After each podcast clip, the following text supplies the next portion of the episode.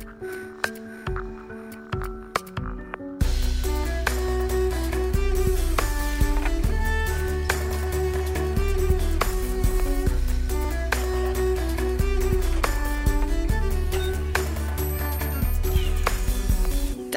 var vi live på YouTube og i innspilling, rett og slett. Hei til deg som hører på, eller eventuelt eh, ser på. Eh, Det er faktisk mulig, det også. Velkommen til en ny episode av Nerve. Og det er eh, jeg, Tone Sabro, som sitter her eh, som vanlig.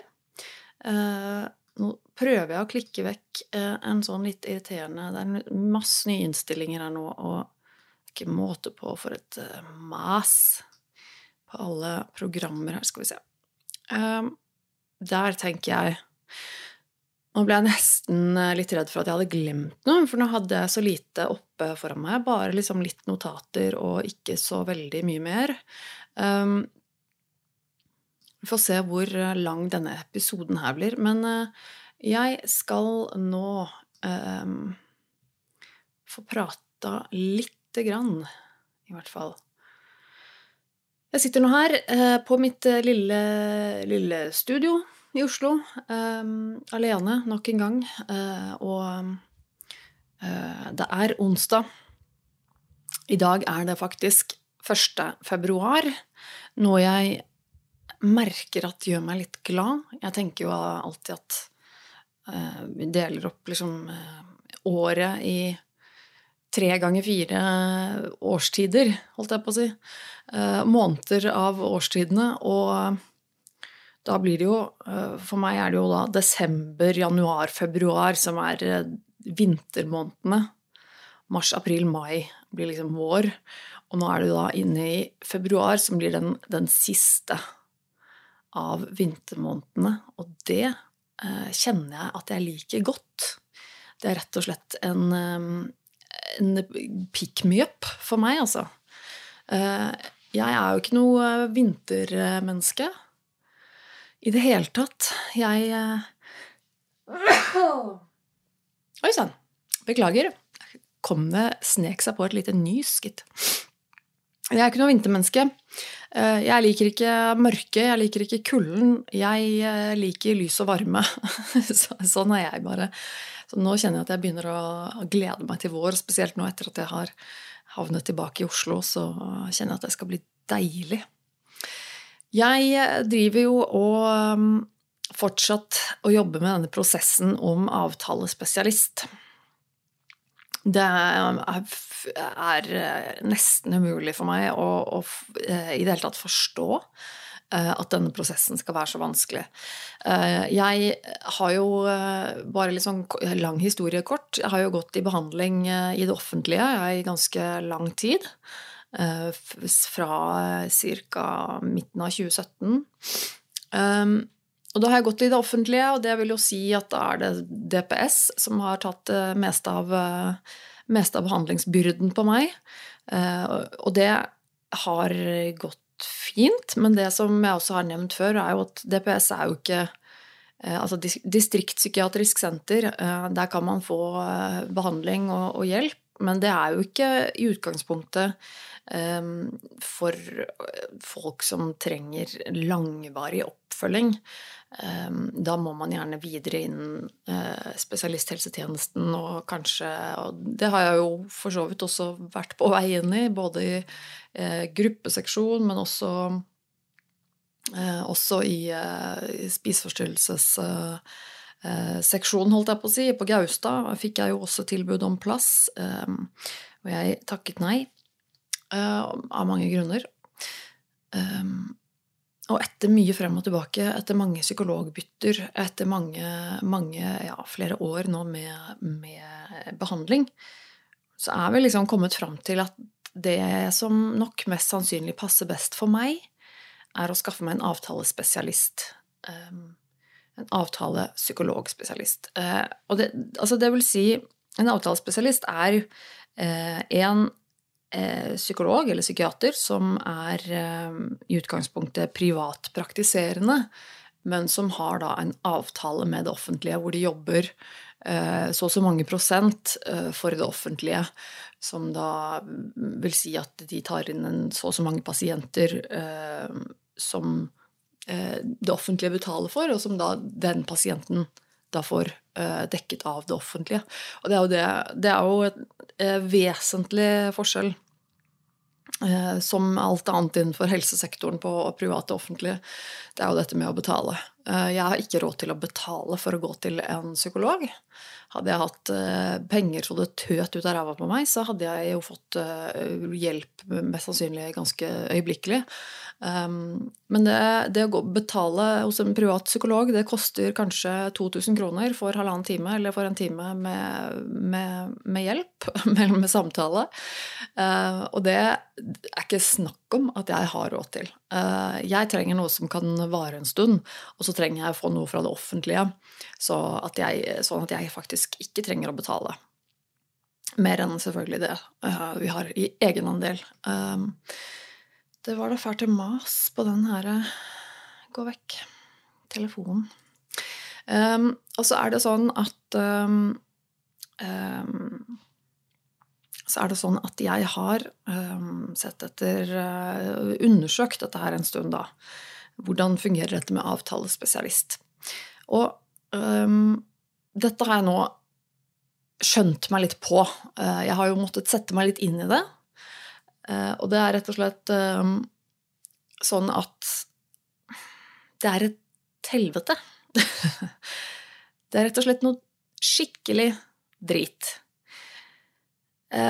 Det er ingen som hjelper meg. Det er ingen som, som, sier hvem jeg skal søke hos, eller som søker for meg. Det er rett og slett et, en, en, deltidsjobb. Det å bare skaffe seg en, en avtalespesialist. Um, måten jeg har Nå skal jeg fortelle deg litt sånn, ok, hva er det jeg har gjort, hva tenker jeg, hvordan går jeg fram? For dette her, det har vært en, en ganske heftig prosess for min del. Jeg begynner jo da gjerne med å gå inn på, på Helse-Norge, eller på um, helse, hva blir det, altså Helse Sør-Øst, som er der i min landsdel. Um, og der inne på, på, offentlige sider så har man jo en, en liste over, um, over behandlinger, nei, behandlere. Uh, som jobber for det offentlige. Så det er jo, da kan man si, første steg. Uh, gå inn på, på Helse-Norge Helse og sjekke ut, uh, sjekke ut lista over hvem som er tilgjengelige for det offentlige. Og da har du to kategorier. Du har enten eh, Nei, egentlig har tre. Du har nevro, nevro Var det ikke det også? Jeg lurte på om du kan Har du ikke nevrobiolog Nei, ikke nevrobiolog, men nevropsyko... Men nå skal vi se Nei, jeg hadde ikke den siden oppe. Uansett, eh, ikke så veldig aktuelt for min del. Det er jo enten psykiater eller psykolog eh, man kan da søke hos. Eh, så du får opp en liste da med, med psykiatere og psykologer innenfor din kommune. Og denne listen den består bare av en lang rekke navn, deres telefonnummer og adresse. Eh, det står også et, et ukeantall, altså ventetid i antall uker. Eh, det tar jeg med en veldig veldig stor klype salt, eh, må jeg innrømme. Men utenom det så står det ingen info. Det står ikke noe info om hva slags type terapi eh, de driver med. Ingenting om holdt opp si, hvem disse psykologene er, hvor de jobber Altså det, det er ingen info annet enn navnet og arbeidsadressen. Det er det. Så hvor begynner man? Ok, jeg, For min del så har det vært Eh, har det vært sånn at jeg, jeg, heller vil gå til en psykolog enn til en psykiater. Og det er i utgangspunktet um, bare opp til enhver enkelt. Uh, det trenger ikke å bety noe for enkelte i det hele tatt, om det er en psykiater eller en psykolog. Forskjellen på psykiater og en psykolog er rett og slett den uh, utdanningen de har tatt. Så en um, en psykiater er i utgangspunktet en lege. Altså en, en vedkommende som har, uh, har, tatt en utdanning i medisin, vanlig legestudie, um, og etterpå da tatt en spesialisering innenfor psykiatri. Um, så absolutt en, en, en, lang og god utdannelse, det. På, på, ikke noe å si på det. Um, og så har du da eh, psykolog som har da gått en eh, utdanning innenfor psykologi på høyskole og studert psykologi. Og da har tatt en eh, videre spesialisering innen eh, klinisk psykiatri eh, i tillegg. Så i utgangspunktet så har de jo da helt Altså to veldig forskjellige eh, grunnlag for å gjøre stort sett mye av den samme jobben. Psykiater kan også skrive ut medisiner og sånn også, da. I tillegg, det kan ikke psykologer, eh, siden psykiateren også har denne lege- eller medisinutdannelsen eh, i tillegg. Um, og jeg har litt erfaring med både psykiatere og psykologer.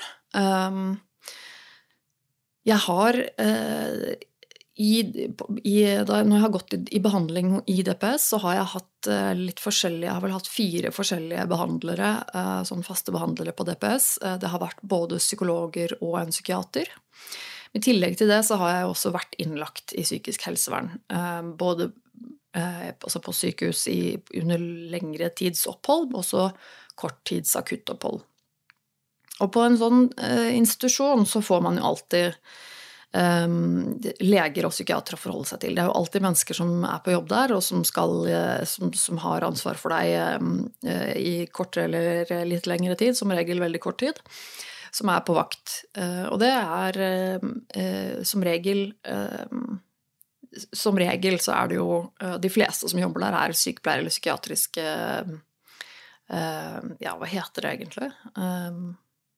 Psykiatrisk sykepleier eller Eller, um, eller hmm, Litt usikker på de, hvilken stilling hva, hva, de kaller det egentlig, når du er på en måte de som jobber som kontaktpersoner på uh, psykiatrisk avdeling, f.eks.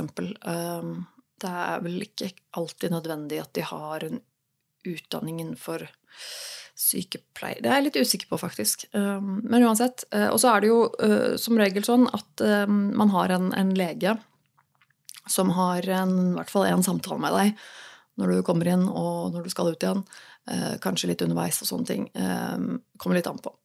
Eh, og jeg har jo hatt da både samtaler med diverse psykiatere, altså leger med, med spesialisering innenfor psykiatri, og eh, psykologer og, eh, og, og sykepleiere. Eh, og jeg personlig har best erfaring. Eh, når det gjelder det å få behandling, så har det for meg funket best å gå til en psykolog og snakke med en psykolog. Og dette er ikke noe riktig eller galt. Jeg må understreke at dette er kun min personlige erfaring. Eh, det har ikke noe, ikke noe å si nødvendigvis for, for, deg eller for noen andres eh, behandling. Det er ikke noe sånn at det finnes at det er eh, bedre å gå til en psykolog enn en psykiater nødvendigvis. Det trenger ikke å ha noe med det å gjøre. Dette er kun basert på min personlige erfaring. Eh, jeg har jo slitt med både, holdt jeg på å si, både, både kroppen og psyken. Jeg har jo hatt øh, øh, lidelser som, som, har gått utover kroppen min, i den forstand at jeg har spiseforstyrrelser. Som tidvis har vært veldig veldig vanskelig å, å, å hanskes med. Men um, og det, det, jeg har erfart, uh, har vært at uh, de psykiaterne jeg har hatt med å gjøre, de har hatt en tendens til å være veldig opptatt av det somatiske. Altså det kroppslige, medisinske. Uh, og da har jeg ofte vært veldig interessert i å ta tak i dette spiseforstyrrelse, dette med kroppen, dette med vekten og spisingen og ernæringen og sånne ting. Um, ikke at det er noe galt i det, Eh, men for min del så fant jeg at eh, det i enkelte tilfeller eh, kunne gjøre meg verre. Fordi det, det, det bare akselererte det fokuset jeg hadde selv på min egen kropp, nærmest. Og så, så følte jeg ikke at jeg fikk hjelp med de tingene jeg egentlig sleit med. Jeg selv har lenge følt at Eh, at det ligger mye og flyter i overflaten som er eh, forstyrrende elementer, og at jeg egentlig vil dykke ned under og, og, kikke litt i hva det er som gjør at jeg har alle disse problemene. Som jeg jo har snakket litt om, dette med personlighets, eh, personlighetsforstyrrelser. Som jeg ser på som på en måte min grunndiagnose som har vært eh, roten da, til eh, mye av problemene mine. For jeg har jo hatt mye angst, eh, slitt kjempemasse med diverse typer angst, og jeg har jo vært kronisk deprimert eh, og suicidal på en måte i tidvis hele livet mitt. Um, og har um, også da slitt med anoreksi og spiseforstyrrelser. Så det det, det, er, det, er ikke, det er ikke noe å kødde med. Eh, men for meg så ble det litt viktig å i utgangspunktet altså, jeg selvfølgelig si det at Er du så syk med, med spiseforstyrrelse f.eks. at du ikke klarer å fungere i hverdagen, og at du ikke får i deg næring, så, så, er det det som brenner. Da må man rett og slett bare ta tak i det aller først. Og det skjønner jeg veldig godt. At det var nok en periode hvor mine behandlere var mest opptatt av å sørge for at jeg fikk i meg næring. Eh, hvis du ikke får i deg næring, så, så, klarer du ikke å motta behandling for noe annet heller. Det er, og det er helt eh, Det kan jeg forstå. Men jeg opplevde nok at det var et eh, litt annet fokus i, den generelle behandlingen enn det jeg ønsket ofte, da. Med enkelte psykiatere. Og har, har bedre erfaring med psykologer, men jeg må si at eh, jeg har jo også vært åpen om det i denne podkasten her, om at eh, ca. 50% av psykologene jeg også har hatt i godt behandling hos, har ikke passet spesielt bra for meg. Så det er ikke sånn at eh, bare fordi det har vært en psykolog, så har det passa eller funka bra heller. Det er jo dette vi alltid kommer tilbake til med behandling. Det når det gjelder psykiske lidelser, er jo at eh, den eh, kjemien du har med behandleren din, det er alfa og omega. Det er dessverre veldig ofte eh, ekstremt viktig. Og det det er viktig at, at, man vet det. Det er ikke sikkert at du kommer veldig godt overens eh, med den første behandleren du får. Enten om det er en psykolog eller en psykiater. Men det trenger ikke å være nødvendigvis noe med det å gjøre, at det er en psykolog eller en psykiater. Det er rett og slett også bare med den, ja, den kjemien uh, som er viktig. Ja, den tillit, uh, det skal bygges opp en tillit i et sånn type terapiforhold. Um, uten et godt grunnlag uh, så, så, blir det vanskelig å få gjort noe ordentlig jobb. I hvert fall hvis du, som meg, da, som sliter med ganske komplekse problemstillinger og ting som tar lang tid å jobbe seg gjennom. Eh, men ja, det var en liten, eh, liten digresjon. Um, nei, så, så jeg går jo på Tilbake til den lista med avtalespesialister. Da går jeg på, på lista hvor det står om psykologer. Men igjen um, jævla lang liste. Så hvor i all verden skal man begynne? Um, så har jeg en veldig sånn analytisk hjerne. Og veldig, jeg er veldig glad i systemer og, og liker veldig godt å på en måte Eh, gjøre ting systematisk og, og ryddig og etter liste. Så jeg, jeg, må på en måte koke det ned litt til hva jeg ser etter. Det er ikke helt min stil å bare ta det første navnet på lista og bare uh, ta det ja, første og beste på lista. Det, det, er på en måte, det er ikke helt min greie. Og siden jeg vet uh, såpass mye da, uh, om siden jeg, siden jeg, er såpass opptatt av dette med å komme til riktig psykolog, så, så, gjør jo dette, denne listen det ganske vanskelig for meg. For det er ikke noen måte jeg kan vite hva som er den riktige psykologen på den lista.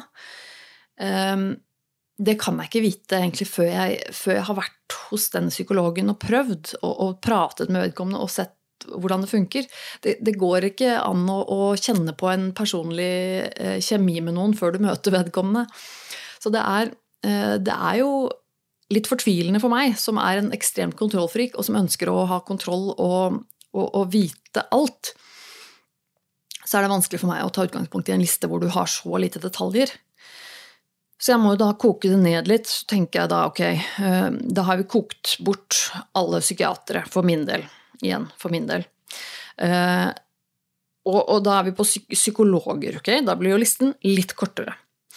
Um, men det, igjen, da er jeg stuck med en ganske lang liste fortsatt med navn. Aner ikke noen ting om disse psykologene. Så da går jeg rett og slett inn og Jeg vet litt om hva slags type terapi jeg ønsker. Jeg vet at eh, psykodynamisk langtidsterapi er noe jeg eh, kanskje vil foretrekke, og jeg eh, vil gjerne også foretrekke noen som som har jobbet på den måten med, med, andre pasienter før som har slitt med personlighetsforstyrrelser og den type litt komplekse, eh, langvarige problemer. Um, og da, så da, ok, hvordan kan, jeg, hvordan kan jeg se dette ut fra den listen? Det jeg gjorde aller først, var jo å uh, ringe det nummeret som står oppført på denne, øverst på denne listen. Så står det at for hjelp så kan du ringe til eh, Helse-Norge eller hva det er for noe, denne Helse Sør-Øst-telefonen. Uh, så kan de veilede deg litt der. Jeg har snakket med dem noen ganger, og de, de, jeg får som regel altså de er veldig hyggelige, og de prøver å hjelpe. Jeg sier at jeg skal ha en psykolog, en avtalespesialist, og så, og så spør hun om hva slags type, eller, hva, hva, eller om jeg har noe på en måte retning, og sier at ja, ok, personlighetsforstyrrelser. Og så ga hun meg ett navn uh, på en dame, en psykolog, som visstnok da ifølge hennes papirer hadde jobbet litt med personlighetspsykiatri tidligere. Og da Ok, da fikk jeg det navnet, og så sendte jeg inn papirene til vedkommende, og så fikk jeg aldri noe svar. Og det er jo ganske frustrerende. I utgangspunktet så skal de svare innen to uker. Kan jo forstå at det noen ganger kanskje blir vanskelig. Men, ehm, men det, er selvfølgelig ekstremt frustrerende. Um, de kan også veilede deg i forhold til de på telefonen også, de kan også veilede i forhold til hva slags papirer og og sånne ting. I hvert fall gjorde de det med meg. Jeg fikk, jeg fikk god hjelp av dem til å, til å vite på en måte, okay, hva er det jeg skal skrive, hva er det jeg trenger. Jeg trenger en henvisning fra legen min. Jeg fikk også en henvisning fra min psykolog på DPS. Og i tillegg har jeg skrevet et holdt jeg på å si et brev, eller en tekst, uh, hvor jeg selv uh, forklarer hva mine problemer er, og hva jeg ønsker hjelp til, og, hva, og, og så videre.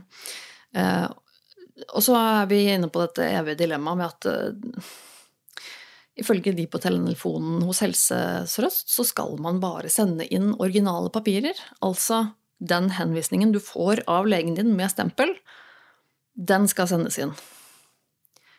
Eh, fordi ifølge de på, på Helse Sør-Øst så har de psykologene ofte eh, som får disse, post, disse, disse, brevene i posten, de eh, kaster eller ser bort ifra søknader som ikke har originaler. For da regner de med at du har sendt til mange på en gang. Og ja, ehm, eh, det kan jeg forstå. Eh, jeg kan forstå dette på mange, mange, manges perspektiver her. Jeg kan forstå Jeg kan forstå det fra en, eh, fra en avtalespesialist som sitter der og tenker at jeg, det å ta inn en, en, person på venteliste som har søkt 40 andre, hos 40 andre psykologer, det er ganske idiotisk. Det kan jeg forstå. Eh, da vil jo det gjøre det ganske mye lista, ventelista mye lenger. Det vil bli veldig kaotisk. Det, altså jeg, skjønner problemstillingene. Men det er også jobben å skaffe seg en avtalespesialist veldig mye vanskeligere for meg som er pasient. Det betyr jo at jeg, da, f.eks. Den, den navnet jeg fikk første gangen på en psykolog hvor jeg sendte inn papirene mine, hun svarte meg aldri. Per dags dato, det er to måneder siden, fortsatt ikke fått noe svar. Jeg har prøvd å ringe henne også, ikke noe svar. Hun sitter jo da på mine originale papirer. Og de får jo ikke jeg tilbake, så da betyr jo det at jeg eventuelt må uh, gå til fastlegen min og skaffe meg en ny henvendelse med et stempel for å sende inn en søknad til til en ny avtalespesialist. Noe som, uh, noe som i praksis egentlig blir helt sånn tullete, umulig og ekstremt frustrerende. Eh, vi vet jo alle hvor lang tid du må vente for å få en time hos fastlegen din iblant.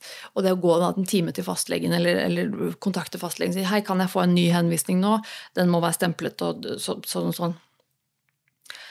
Eh, det er for meg litt sånn hinsides, og i hvert fall nå når jeg står på denne siden og har holdt på med dette her en stund, og ser hvor forbanna vanskelig det skal være, så, så, så syns jeg det er er helt Um, det går ikke at jeg skal sende inn At jeg skal sende inn um, originale på hver gang. Altså det er bare Glem det. Det, det kan jeg ikke.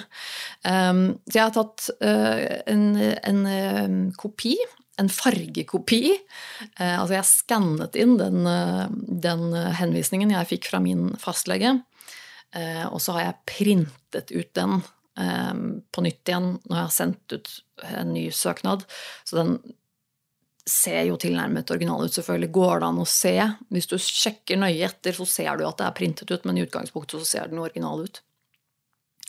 Um, men det, det, har jeg måttet gjøre, for det, det blir helt um, det, det, blir rett og slett helt umulig for meg hvis jeg skal skaffe så mange nye henvisninger eh, med stempel hele tiden fra fastlegen min. Um, det er jo også sånn at de uh, vil helst at du skal sende inn originaler, altså papirer, i posten. Og det er jo også litt på grunn av at uh, i Norge så er det jo sånn at postpapir uh, som, som, som, går i posten, er konfidensielt. Vi har jo lovverk som beskytter, beskytter papirer og, og brev. Um, så sånn sett så er jo det trygt å, å sende inn et brev. Um, men jeg har jo også opplevd å få et svar om at um, noen psykologer som har sagt at, eller avtalespesialister som har sagt at nei, jeg vil ikke, vil ikke ha det på, på, post, jeg vil helst ha det på mail. Um, og det uh, kan jeg jo forstå, ut fra at det er jo veldig mye mer praktisk for vedkommende, kan jeg tenke meg, å slippe å få alle disse papirene i posten osv. Det er jo selvfølgelig veldig mye enklere å gjøre det elektronisk. Men da skal også du som pasient vite at det kan være litt problematisk um, i forhold til at du får ikke sendt Mest sannsynlig, da. De fleste av oss eh, vanlige mann i gata kan ikke sende en kryptert eh, mail til, eh, til denne psykiateren. Altså, da har du personlige helseopplysninger som blir sendt på åpent nett. Og det er også derfor grunnen til at man helst ikke skal sende inn sånne type søknader på mail, fordi at det skal være konfidensielt. Eh, den, den, type informasjon er jo taushetsbelagt. Det å sende personlige opplysninger og, og, henvisninger og legeerklæringer og sånne ting via e-mail, eh, så lenge det ikke er kryptert og ikke kan åpne, sånn at det blir, kun kan åpnes med et passord, eh, så er jo det i utgangspunktet ikke helt innafor, tenker jeg. Og derfor så har jeg også vært litt sånn skeptisk når jeg har fått et svar fra noen som har sagt jeg vil helst ha disse på, på, eh, på mail. Um, men eh, Så ja. Det har funnet ut, at jeg har ringt til dette nummeret, da, Helse Sør-Øst. Fått litt veiledning derfra, men der er det som jeg får kanskje et navn eller to. Så kom jeg ikke noe lenger, og i dette, mitt tilfelle så fikk jeg et navn og søkte, og så fikk jeg ikke noe svar. Og det står oppført et telefonnummer der som jeg har prøvd å ringe flere ganger. Men det, altså, det, er, det er, ikke mulig å komme gjennom på telefonen. Um, ikke for min del. De gangene jeg har prøvd, i hvert fall. Så da ok, går jeg videre. Og jeg var jo så heldig her at jeg også hadde en en, har en psykolog i det offentlige fortsatt som jeg, som jeg, kunne rådføre meg litt hos. Det som er ulempen, er at han jobber i det offentlige 100% Han er kommunepsykolog. Og han har aldri jobbet som, som privatpraktiserende psykolog, så han har heller ikke noe veldig god oversikt over overalt hvordan dette her fungerer. Eh, for litt av greia også når du jobber som privatpraktiserende psykolog, er at du jobber som enkelt Eh, enkeltpersonforetak. Altså du har et nærings... Herlighet, nå står jeg helt stille. Hva heter det? Du er næringsdrivende for ditt eget foretak. Eh, som vil si at du er ikke tilknyttet eh, et, et system, da, sånn som de psykologene i det offentlige er, som f.eks. er ansatt i Oslo kommune. Eh, DPS, bydel, sånn og sånn. De, måte, de, er jo da innenfor et system som da forvalter de ressursene på en viss måte. Er du selvstendig næringsdrivende som, har en, en, en, bedrift som driver Altså deg som bedrift som driver med, med privatpraktiserende psykolog, eller eller psykoterapi, så styrer du jo alt sjøl. Da er du ikke noe inne i noe system. Da, da, så, så, så, og det er jo litt av det som er problemet her, at dette blir jo helt umulig. Um, så det jeg snakket med min psykolog Jeg snakket med min da, psykolog på DPS om dette her, eller på, i det offentlige i Vennesla. Så kommer han med noen, noen, forslag. Han prøver så godt han kan å hjelpe meg. Jeg setter stor pris på det. Uh, så han Eh, foreslo da, Han vet jo litt om, om meg og, og, type terapi jeg ser etter, og sånne ting, så han foreslo da at jeg skal gå inn på øh, øh, Karakteranalytisk institutt sine hjemmesider. Øh, psykoterapeutisk institutt Nei, hva heter det? Psykotus... ja, uansett. Um, de som driver med kursing, rett og slett, av psykologer eh, i Norge. Eh, det har jo diverse institutter som driver med kursing innenfor terapi. Og det jeg gjorde da, var at jeg gikk inn på hjemmesiden. Er ikke Jeg var på flere, jeg husker ikke. Jeg husker ikke, jeg sjekket diverse institutter som jeg vet at driver med litt sånn psykodynamisk type terapi og sånne ting. Jeg sjekket medlemslistene, og det som Men du kan ikke bare på en måte gå ut fra at alle de som så på den lista, er avtalespesialister, for det kan jo være privatpraktiserende også, som ikke har noe avtale med det offentlige. Så det jeg gjorde da, var å ta den listen med navn og sammenlignet med den på nettet som står over avtalespesialister. Sammenlignet navnene der og fant ut hvilke navn er det som står oppført eh, der hos det instituttet, og som også er avtalespesialist. Og det Altså gå gjennom det, ok, eh, sjekke navn, sånn og sånn. Uh, og så tenkte jeg ok, jeg har, dette her er mange navn. Um, jeg prøvde å google litt, men det også er jo nesten umulig. fordi at uh, psykologer som jobber klinisk, er veldig lite på internett som regel. Er av god grunn ofte. Um, mennesker som, som, som, ikke er mye på sosiale medier, og som ikke gjør så mye ut av seg i det offentlige sosiale medier og sånne ting. Eh, så det er jo veldig vanskelig å finne ut noe på nett der om hva de driver med, og hvem de er, liksom. Um, så, så uh, der kommer jeg ikke så, så mye lenger. Uh, men da må jeg jo um, søke, da, altså hos flere må, altså, Ok, ta et navn, da. Random på, på det innenfor den lista jeg har kokt ned til nå, som er på en måte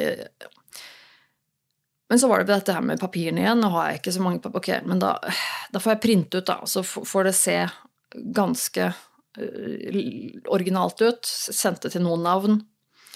Um, fikk svar fra uh, noen av dem innen ganske kort tid uh, at de ikke har kapasitet.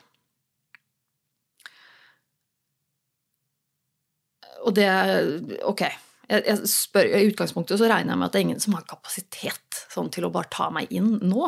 Jeg regner jo med at jeg må stå på en venteliste. Eh, men uansett, nei, ikke kapasitet, og det er det eneste svaret. Ehm, og så har jeg også gjort den metoden at jeg rett og slett har tatt det telefonnummeret som står på den offentlige avtalespesialistlista, og sendt SMS Um, bare for å liksom fiske etter noe informasjon. Bare for å liksom Hallo, er du, er du, Jobber du i det hele tatt? Er du en avtalespesialist? Har du en venteliste? Um, for du kommer ingen vei.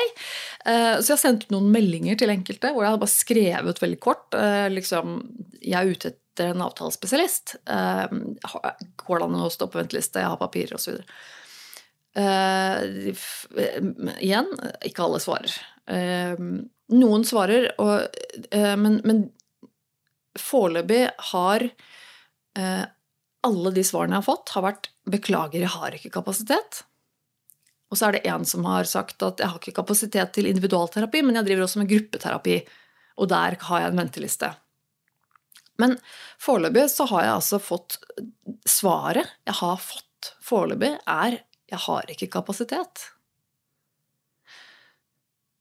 Um, så, og det, det, navnet jeg fikk aller først, da, da jeg ringte inn til, eh, til Helse Sør-Øst og, og, ba om liksom litt rådgivning derfra, så, så, var jo det utgangspunktet et navn hun ga meg som både hadde litt erfaring, men også som hadde eh, Som ikke skulle ha så lang ventetid. Og det var jo vedkommende jeg ikke fikk noe svar av. Eh, men, og nå, da begynner jeg virkelig å, å, å bli nå begynner jeg virkelig å bli ordentlig frustrert. Dette er et system som man eh, eh, det, er ikke, det, er ikke, et system man lett kan gjøre seg klok på. Eh, dette er jo helt individuelle eh, holdt jeg på å si, altså bedrifter, enkeltpersonforetak, som du må kontakte jeg til og med ringte til Karakteranalytisk institutt eh, og noen av disse instituttene som jeg snakket om tidligere. Jeg ringte til dem, og så spurte jeg hei. De, de, psykologene som du har på din liste, som er avtalespesialister, kan, har de noe ledig? Det, kan jeg sette meg på venteliste hos noen av de, eller? Uh, bare for å se liksom er det, en, er det, et system her? Er det noen som har en oversikt? Svaret er nei. Vi har ingen oversikt. Dette er, dette er, mennesker som driver for seg selv. Uh, jeg har ingen, ingen måte å, for deg å få si om de har lang eller kort ventetid. Du må nesten ta kontakt med hver og enkelt individuelt. Så like langt. Og jeg merker jo at jeg Og dette, dette er Nå har det jo gått et par måneder, og jeg blir ekstremt frustrert og lei og sliten. Og føler at det er ganske sånn Dette er jo håpløst. Er det, er det noen der ute som, som har Og hvordan Altså, ja. Så jeg må si um, jeg har ikke kommet noe videre enda. Nå står jeg i eh, en sånn liten dal hvor jeg har fått eh, svar fra de jeg har søkt hos, hvor svaret har vært 'har ikke kapasitet'. Eh, og det siste jeg gjorde nå, var at jeg tok en, en holdt jeg på å si, en skikkelig dag. Jeg tok en, en sjau her forleden. Postet på Nerve på Instagram også, på storyen min der. Jeg ble så frustrert. Jeg tok også og bare markerte på den lista, på det offentlige, på nettsiden, markerte alle navnene nedover som jeg fant ut at mest sannsynlig driver med den type terapi jeg vil ha, og som jeg ikke per nå har søkt hos. Eh, Screenshotta de, eh, for hadde ikke noen annen enkel måte å gjøre det på. Uh, og så må jeg bare Og det ble en, en, lang liste med navn, og så har jeg kommet hit nå at neste sjau blir liksom å, å, ta tak i den lista og faktisk uh, søke, eller å kontakte de på den lista. Jeg prøvde lite grann da jeg satt og holdt på med det, å ringe noen av numrene. Men det er Fellesnevneren er at det blir telefonsvarer hos alle sammen. Jeg la igjen liksom en melding her og der, men det er liksom sånn det føles altså så håpløst. Det er jo eh, virkelig frustrerende. Og det, dette er jo og da, og da føler jeg jo at jeg havner litt i en sånn kjip kategori. For at jeg eh, Det er jo ikke det at det ikke fins hjelp for meg. Det fins hjelp. Eh, men det er ikke noe enkelt å få den hjelpen jeg kan få hjelp på DPS, og jeg har jo fått hjelp på DPS, og jeg skal ikke klage på det. Jeg har jo vært uh, heldig sånn sett. Altså, det er jo mange som ønsker og som trenger hjelp, og som ikke får, får hjelp. Og det, det, er jo helt katastrofe. Så selvfølgelig så, så er jeg eh, bedre stilt enn mange andre sånn sett. Jeg har jo tross alt fått noe hjelp. Men det er også veldig frustrerende å havne i en sånn eh, kategori hvor du trenger noe langvarig eh, stabilt. Men det er nesten ikke mulig å få tak i. Eh, og det, det, kjenner jeg at det er veldig frustrerende. For det å gå til DPS og bare få en ny psykolog og ny psykolog og bare bytte helt altså Det er ikke um, Nei, det, det, funker ikke. Det er ikke noe ideelt, for å si det sånn. Så the struggle is real. Eh, for å si det sånn, for å skaffe seg en avtalespesialist. Eh, om det er noen der ute som har erfaring med å skaffe seg avtalespesialist, som har noen gode tips, så kom gjerne med dem til meg. Eh, om det er noe jeg har gått glipp av, eller som jeg ikke har nevnt. Eh, om du selv sliter med dette, så kanskje du fikk noen tips av meg nå. Eventuelt ta kontakt med meg hvis det er noe du skulle ha lure på. Kan, det er ikke sikkert jeg kan svare deg, men nå har jeg i hvert fall jobbet litt med det. Jeg føler at vi må hjelpe hverandre litt her. Dette her er jo helt Ja, det er helt, helt krise. Men ja. Og en annen ting uh, det, er, det, er, det tankene mine går mye på, men også en ting til, og det er um, Det er rett og slett trening. Jeg har uh, et, et, slags ønskeprosjekt eh, gående, eller som jeg ønsker å begynne på, som er vanskelig for meg av mange grunner. Og det går på trening, og det er ikke sånn at jeg Hvor skal jeg starte? Nei, la meg starte med begynnelsen. Fordi jeg har jo eh, helt siden barne- og i hvert fall ungdomsskolen eh, slitt med å Altså, jeg har Hva er det jeg ikke har slitt med? Nei da. Men jeg har blitt mye mobba. Jeg har vært, eh, hatt mye, mye vanskeligheter med meg selv og min egen syke. Og det tror jeg også fra ganske tidlig alder gjorde at jeg fikk en ganske dårlig holdning. Jeg vet at jeg ble mobbet for å Først ble jeg mobbet for å være høy, for at jeg liksom var den høyeste i klassen. Uh, før alle gutta begynte å ta igjen jentene på høyden, liksom. Som gjorde at jeg begynte å, å skamme meg litt for det. Jeg begynte å gå litt sånn krokrygga. Uh, og har alltid egentlig slitt litt med å ha en sånn dårlig holdning og vil helst bare synke vekk. Altså, jeg, har, jeg har liksom ikke klart det der å rette meg opp i ryggen og skuldrene bakover, liksom. Um, og har nok ikke hatt så gode vaner når det gjelder liksom, jobbing og sånne ting i de jobbene jeg har hatt, og måten jeg sitter på og sånne ting. Så jeg har hatt mye vondt i ryggen. Um, mye vondt i rygg, mye vondt i nakke og skuldre. Um, nakke og skuldre er, er det ikke noe galt med annet enn at jeg går og er stiv uh, i musklene hele tiden. Min nakke og uh, mine skuldre er kronisk beinharde.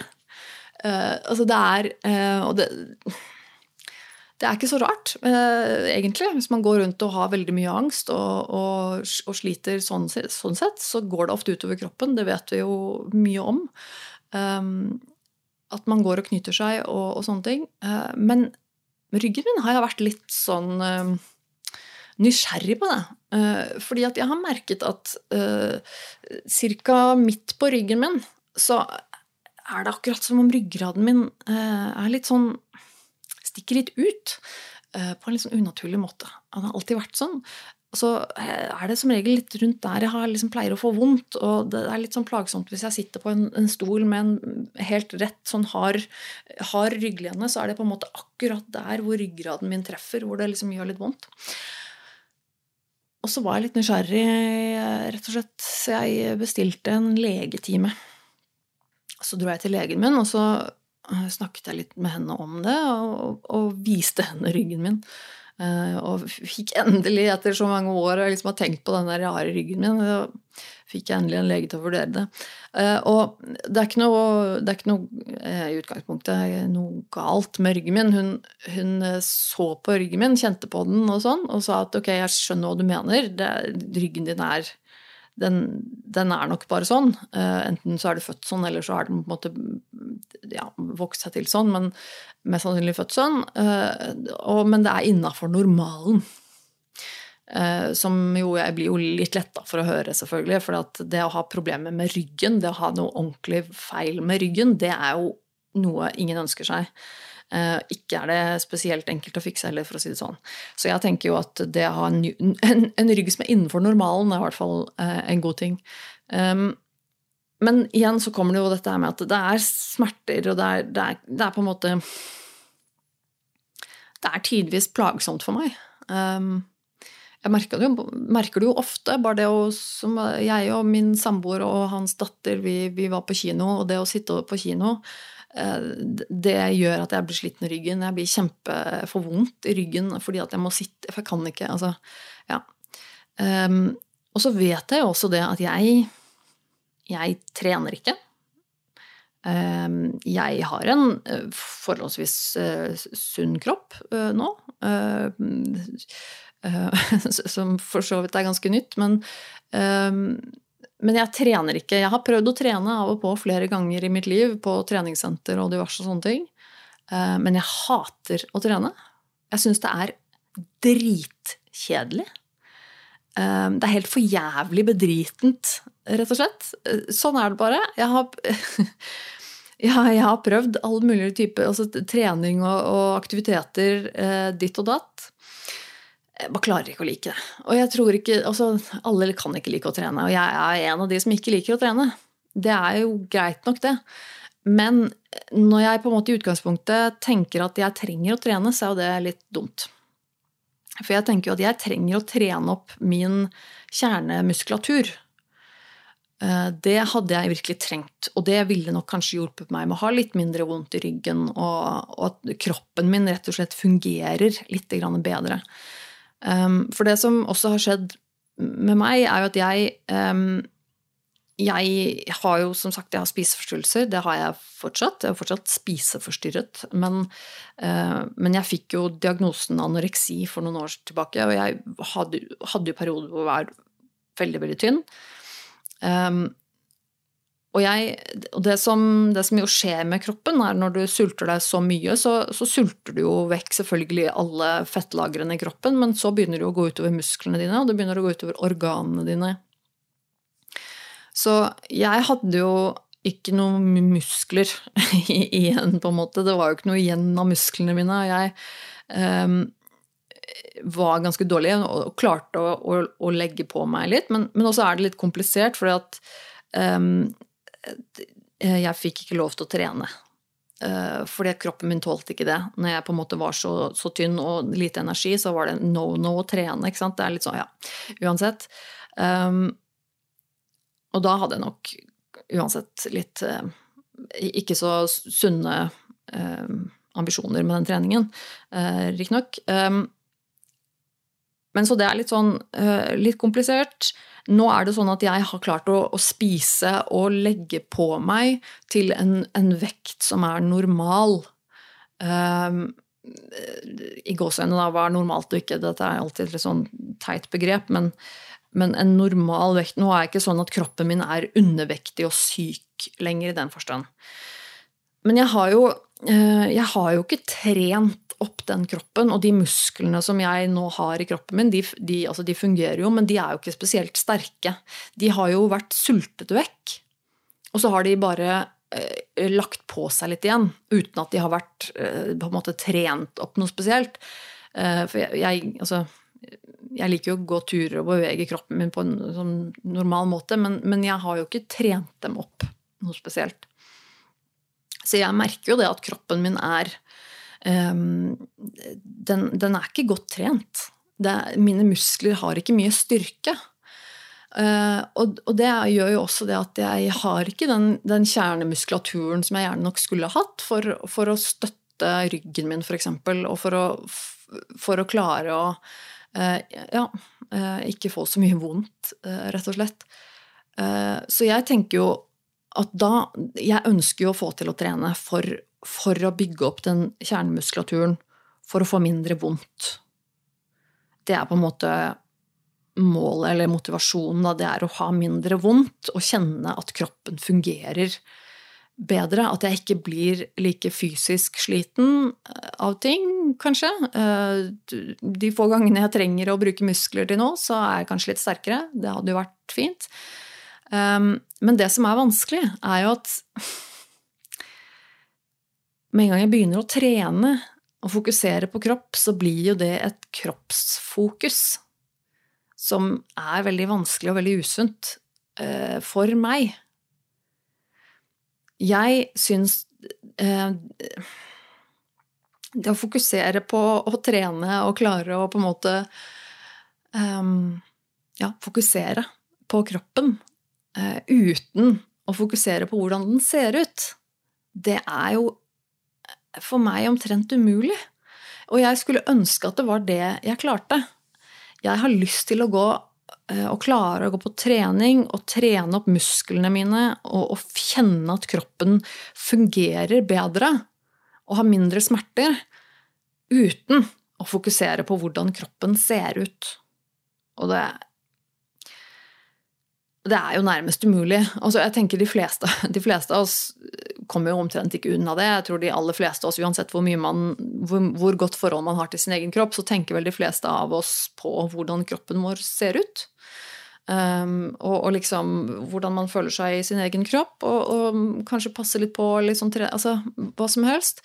Uh, men for en person som meg, som da har spiseforstyrrelser, og som, uh, som er tidvis um, altså for å si det mildt, usunt opptatt av hvordan kroppen ser ut og føles, og hvor mye den veier, og hvor mye, uh, hvor, hvor mye fett og hvor mye ikke sant, De tinga der. Så, så syns jeg jo dette er veldig skummelt. Det å på en måte da begynne å fokusere på noe sånt igjen. Det er jo grunnen til at jeg har klart å, å, å, å bygge meg opp igjen til en, en mer normal kroppsvekt, er jo fordi at jeg har klart å fokusere mindre på kroppen. jeg har klart å fokusere mer på, på hodet og, og, min funksjon liksom i, i, i, hjernen min. Da. Og klart å liksom unne meg det å spise, klart å unne meg det å, å ikke være så fokusert på liksom formen av kroppen og hvordan den ser ut. og Um, og, for, og, da, og, og, da, nå på en måte skulle begynne å trene, da. Og, og, liksom vite at da kommer det fokuset igjen, for det gjør det jo. Det Ja, det er skummelt. Uh, jeg syns det er skummelt. Uh, så jeg vil det, men jeg vil det ikke. Jeg vil, jeg vil klare å trene. Jeg har lyst til å like å trene. Bare det er jo i seg selv helt, eh, et, et, mål som virker helt hinsides. Men bare det å kunne trene bare, bare, for, å, bare, bare for, å, få litt bedre rygg, da. Bare for å kjenne at ryggen ikke er like vond lenger. Men han kunne klare det da, uten å liksom skulle drive og, og klare å la være å se meg i speilet. Liksom. Klare å la være å fokusere på at, at, at, muskler veier mer enn fett, for eksempel, og, og, og, vekten, og at jeg ikke vil ha muskler For jeg vil ikke ha muskler, jeg vil ikke ha synlige muskler, jeg vil ikke se sterk ut. Altså, ikke, altså alle de tingene der, det, um, det virker altså så vanskelig. Og i tillegg, i tillegg til alt det, så har jeg angst for å gå på treningsstudio. Jeg syns det å gå på treningsstudio er noe av det jævligste som fins. Um, ehm, det er altså så forbanna jævlig for meg. Og det, det, det, Jeg har sosial angst, og jeg har uh, mye angst generelt, og spesielt i situasjoner som gjør meg uh, som, som, som, gjør, som, utfordrer min kontroll, da, for å si det sånn. I situasjoner hvor jeg føler at jeg ikke har helt kontroll, eller ikke helt på en måte er komfortabel. Det er ekstremt ubehagelig for meg, og det har jo skjedd flere ganger at jeg har fått angstanfall bare å være inne på et treningsstudio. Uh, og det er en så ekstrem ubehagelig eh, og vond Altså, det er um, Ja, hvis, hvis du ikke har hatt angstanfall før, så er det vanskelig å forestille seg kan jeg tenke meg, hva det er. Men, men det er som å bli akutt veldig redd. Uh, og, og, føle at du er i fare. Det blir jo at kroppen og, og hodet ditt går inn i en sånn Shit, nå dør jeg. Uh, dette her går ikke, jeg må komme meg unna. Det, du blir, altså, og, og, pulsen går opp, og du blir um, Altså ekstra Nei, det er ufattelig ubehagelig. Um, og jeg hadde jo en periode i eh, Var det 2019? Uh, hvor jeg og min samboer Gunnar vi trente en del på et studio sammen med en venninne av oss som fikk oss liksom litt med. da. Um, det, vel, det, snakket jeg vel litt om i podkast og, og, sånne ting også, regner jeg med. Jeg kan ikke huske det så veldig godt. Men, uh, men vi klarte jo på et vis å, å få i gang en viss rutine. Uh, og det er lettere når man er fler. Uh, jeg hadde jo samboeren min, så vi på en måte hadde en, en, det å kunne få med hverandre, men også det at vi hadde en tredjeperson som vi skulle møte der. Vi hadde en konkret avtale. Det også hjelper jo selvfølgelig på at du liksom Ok, men vi har, vi har en avtale, vi må nesten bare komme oss av gårde. Det som, det som ble vanskelig for meg, uh, merka jeg, da, det er at Eh, I det tilfellet der, hvor hun, hun venninna vår som var med oss, hun, var, hun, hun er skjønn veldig hyggelig at hun ville hjelpe oss, og ikke noe galt med henne. Men det som ble vanskelig for meg, var at hun likte så godt å trene. Um, så hun var så entusiastisk. Og hun var veldig sånn 'Jo, dette her er gøy, og nå skal vi bare gjøre litt sånn og sånn'. Og, og jeg kjente at jeg, jeg ble sint jeg klarte ikke. For for meg så var dette her helt for jævlig. Og jeg ble sint, og jeg, ble, jeg fikk angst. og jeg kjente at det, men, men, nå, dette går ikke. Du kan ikke stå her og si til meg at dette her er så jævlig gøy. Dette her er jo helt for jævlig. Uh, og hun gjorde ting så lett. Hun hadde ikke den angsten. Hun, hun, følte seg komfortabel i treningsstudio og kunne på en måte smette opp på diverse apparater og på en måte vise sånn og sånn. Og sånn. Og jeg, eh, Det å bare ta på et apparat var for meg bare helt sånn Altså uh, um, det, det, Og det var, det var, helt for jævlig. Og, og, og også liksom tar det litt tid, og så kommer man kanskje litt mer inn i det, og man gjør det flere ganger, og det begynner å Og det, det hjelper. Eh, etter hvert så, så, klarer du liksom å komme inn i en rutine, at du vet hvordan det ser ut der. Eh, du vet hvordan de fleste apparatene fungerer. Du har fått inn en, du har lært deg noen ting som du kan liksom forholde deg til. Og det gjør, det ting, det gjør ting litt lettere. Um, men selv når jeg på en måte er blitt litt komfortabel i gåseøynene, ikke helt der, men litt mer komfortabel i situasjonen hvor jeg på en måte kan gå inn uten å liksom få helt angst. Eh, og kanskje til og med på en måte gå på romaskinen og begynne å, å ro, for jeg vet åssen den funker, jeg vet hvordan, man, hvordan, jeg skal gjøre det. Eh, men, men, kroppen, altså hele meg, hele tiden er sånn Er vi ferdig snart? Er vi ferdig snart? Er vi ferdig snart? Er vi ferdig snart? Eh, og syns det er helt grusomt.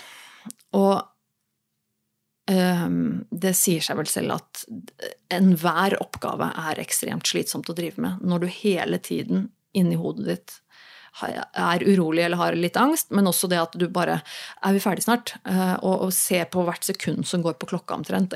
Og klarer ikke å la være å telle ned i hodet ditt. Og bare, eh, selv om jeg prøver å gjøre alt men bare høre på podkast eller hva det skal være, liksom, det bare Det er helt for jævlig.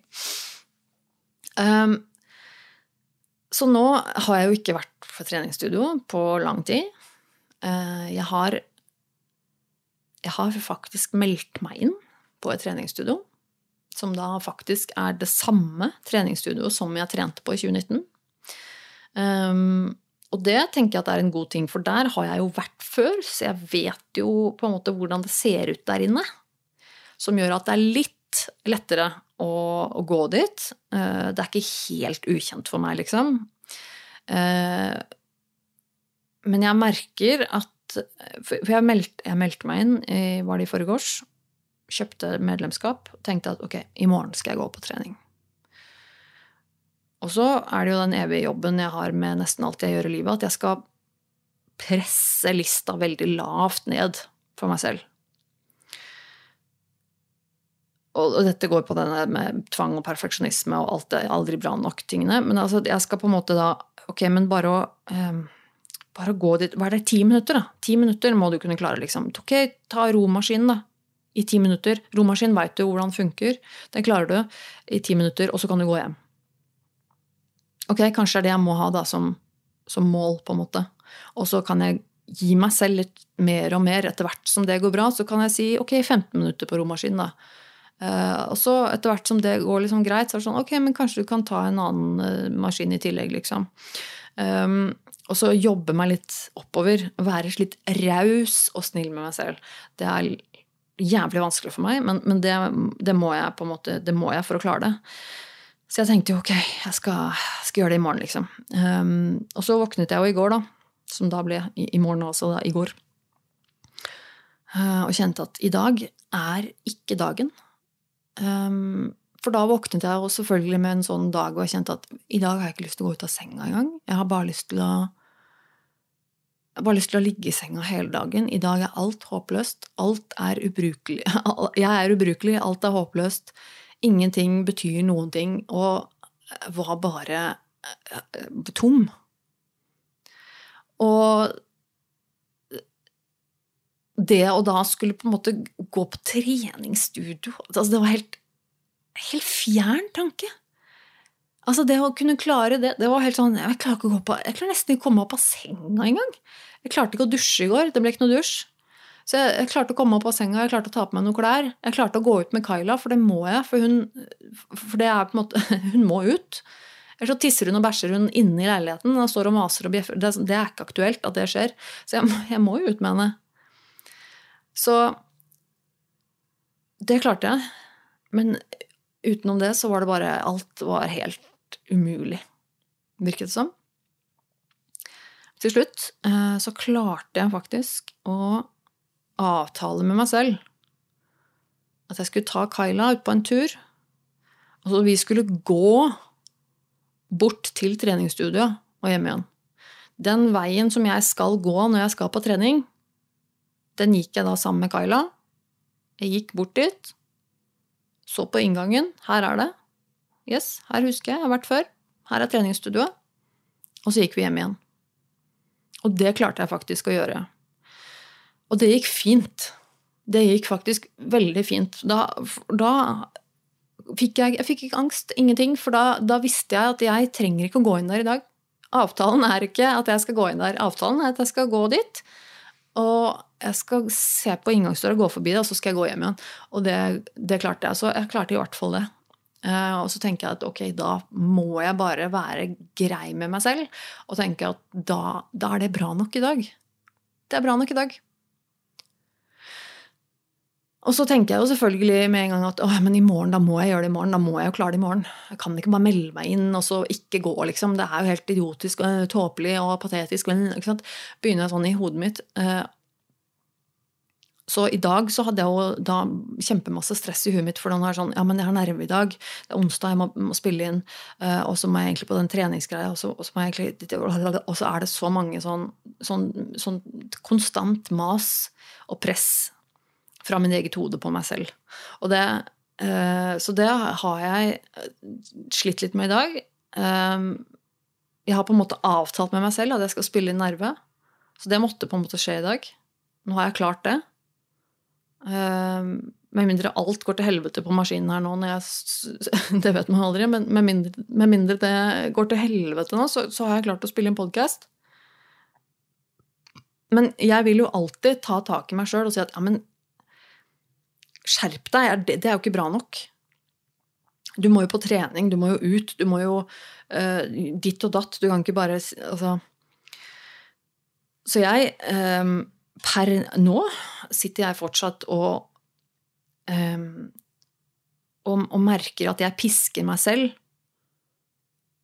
til å gå på den treninga. Selv om jeg vet at også at det blir jævlig vanskelig, og at jeg egentlig ikke orker det. For det å spille inn podkast er en ting som, som, er en dagsjobb for meg.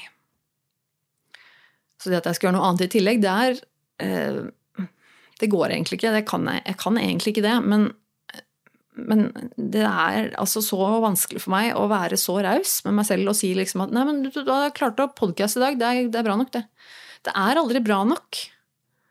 Jeg blir ikke, det er ikke bra nok nå, nå så begynner en sånn karusell inni hodet mitt hvor jeg begynner å piske meg selv. og tenker sånn, Å, herregud, så jævlig patetisk. Når du, når du meldt deg inn i et sånn treningsstudio, og så klarer du ikke å gå dit, og så sier du sånn hver dag sånn Ja, i morgen skal jeg gå, og du klarer ikke å gå dit, du klarer ikke å gå inn der engang, og så skal du liksom være der i ti minutter, og så er det bra nok. Altså, hva tror du det skal være godt for? Tror du virkelig altså, så, begynner, så begynner hodet mitt sånn automatisk hele tiden. Det går inn i hodet mitt.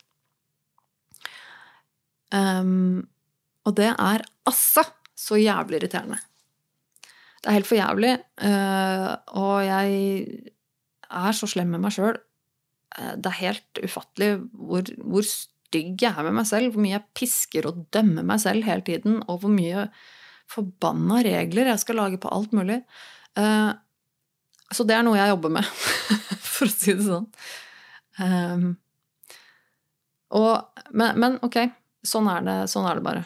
Eh, jeg skal avslutte podkasten, men um, før jeg avslutter, så skal jeg komme med et lite tips. Og det er bare én, er bare én ting.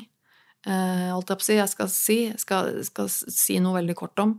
Uh, det eneste tipset, eneste anbefalingen jeg har uh, i dag, um, eller denne uka The Last of Us.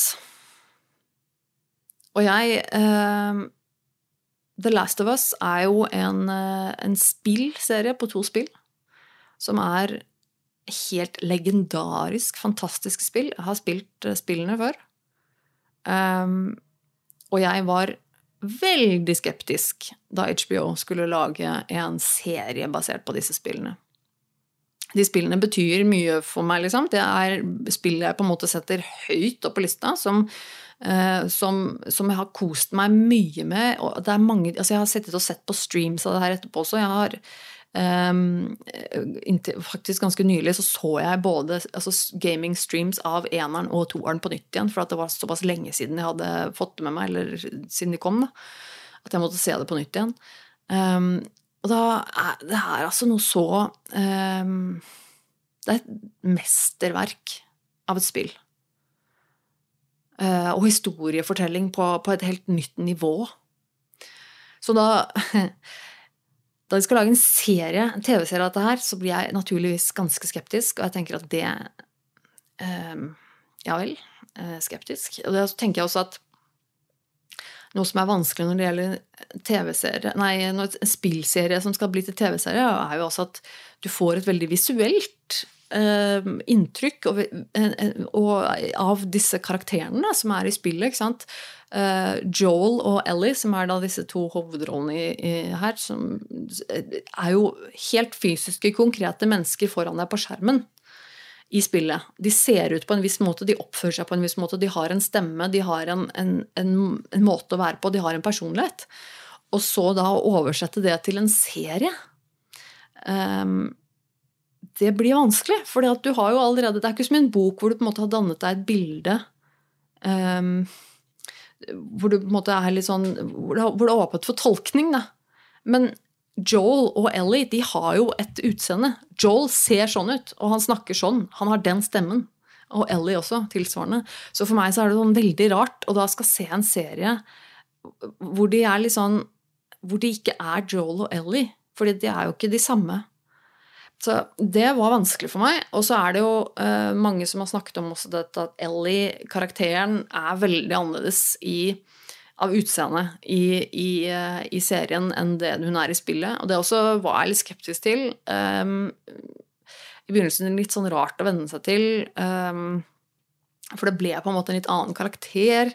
Um, Ellie i, i, spillet er veldig, veldig sånn søt og, og liten. Hun ser, hun ser, veldig sånn søt og uskyldig ut, og så er hun egentlig ikke det, på en måte. Um, som, som, gjør litt av karakteren hennes, på en måte. Um, og, men i, i, serien så ser hun ikke veldig sånn søt og uskyldig ut. Hun ser, uh, hun ser mer ut som den karakteren hun er, på en måte. Uh, og så vet jeg ikke helt om jeg likte det. Det var i hvert fall uvant. Eh, og så er jo selvfølgelig Joel også jo, Det er jo ikke lik, ikke sant. Det er jo forskjell, og dette her er ting som jeg på en måte fort kan henge meg litt opp i. Også selvfølgelig fordi at det er et genialt spill. Det er så enormt bra laga, og det er så enormt bra historie. Så det er en høy terskel. Til nå har HBO gitt ut tre episoder av The Last of Us på, ja, på HBO, og jeg må si at det er jævlig bra, altså. Um, jeg liker det bedre og bedre. Jeg var veldig skeptisk første episode. Det var litt sånn ja, ok, mm, kult, det kan kanskje funke, liksom. Uh, episode to også litt sånn uh, litt bedre. Episode tre er uh, en fantastisk bra episode. Um, ikke nødvendigvis at det, det, det, har egentlig ikke så veldig mye med historien i spillet og, og, sånn å gjøre, men det er en i, en, i seg selv en ekstremt eh, velskrevet og velspilt episode eh, som er verdt å se nesten bare, bare for den. Eh, så, så, det bygger seg opp til å bli en ganske legendarisk serie i tillegg. Og det, det, er jeg glad for, for det fortjener spillserien. Så jeg er veldig spent på å se serien videre. Jeg må si at jeg anbefaler folk å se serien, selv om du ikke har spilt spillet ikke kjenner til spillet fra før av, eh, du kan likevel trygt se The Last of Us-serien og like den. Um, og, og eh, nå, nå, Som sagt, det er ikke mer enn tre episoder som er ute, men foreløpig så, så, følger de eh, spillet ganske bra. Men selvfølgelig en god del ting i serien som på en måte ikke er noe direkte tatt ut fra spillet. Men dette er jo et veldig veldig stort spill, så det er jo ganske naturlig. Um, men den er ikke spesielt skummelt. Det er ikke en, det er ikke en skrekkserie, liksom. Uh, den har noen, uh, noen, øyeblikk som er på en måte litt uh, thrilling, om man skal si det sånn. Um, litt, litt spennende spenning og actionserie, på en måte. enn så, så, hvis du er redd for sånn horror og sånn, så jeg tror du trygt kan prøve deg likevel. For det er ikke, det er ikke en typisk horrorserie. Eh, men jævlig bra. Så creds, altså, til skaperne. Og jeg vet jo også at uh, det er vel uh, Naughty Dog, det spillselskapet som har laget Last of Us og PlayStation, som også, de er også med på å lage serien. Altså de er en del av Og det, det hjelper jo, selvfølgelig. Så ja, eh, nå Da skal jeg runde av. Eh, se The Last of Us, folkens. Gi det en sjanse, for det er faktisk eh, dritbra. De fortjener, de fortjener det. Um, hvis du har lyst til å gi meg en tilbakemelding, da, så gjør det. Det setter jeg veldig stor pris på. Så det er veldig kult å få meldinger og brev og Brev? Jeg har ikke fått noe brev. Jeg har fått noe e-post. E uh, veldig hyggelig å høre fra dere, enten på sosiale medier, der finner du meg Tone Sabro, heter jeg der, eller Nerve med Tone. Både på Facebook og Instagram. Uh, legger ut noe greier der iblant. Også prøver å svare folk som, som kontakter meg. Uh, jeg tar også gjerne imot tilbakemeldinger på e-post. Nervemetone at gmail.com. Leser alt som kommer inn der. Det er kun jeg som leser det. Eh, jeg setter utrolig stor pris på de mailene jeg får inn der, som, som er eh, tilbakemeldinger og historier, og det er eh, kjempefint for meg og veldig motiverende å høre og lese. Det er ikke alltid jeg får svart på mail, men, men tro meg, jeg setter stor pris på de og leser de. Så takk veldig, veldig stor takk til alle dere som, som hører på den podkasten. Fortell gjerne den du kjenner om podkasten min. Jeg er litt avhengig av, eh, av, at, av, at, det sprer seg eh, i befolkningen, dette, denne lille nerven her. Eh, så takk. Takk for det. Ja, jeg tror det var alt jeg skulle si. Forhåpentligvis er jeg tilbake igjen neste uke, også neste onsdag. Etter planen, får vi se. Til da, ta vare på deg selv, og så høres vi igjen da. Ha det.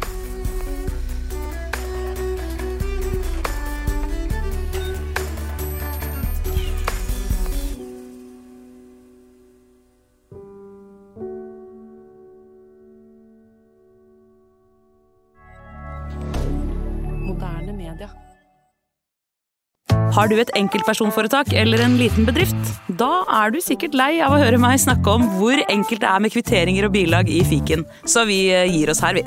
Fordi vi liker enkelt. Fiken superenkelt regnskap.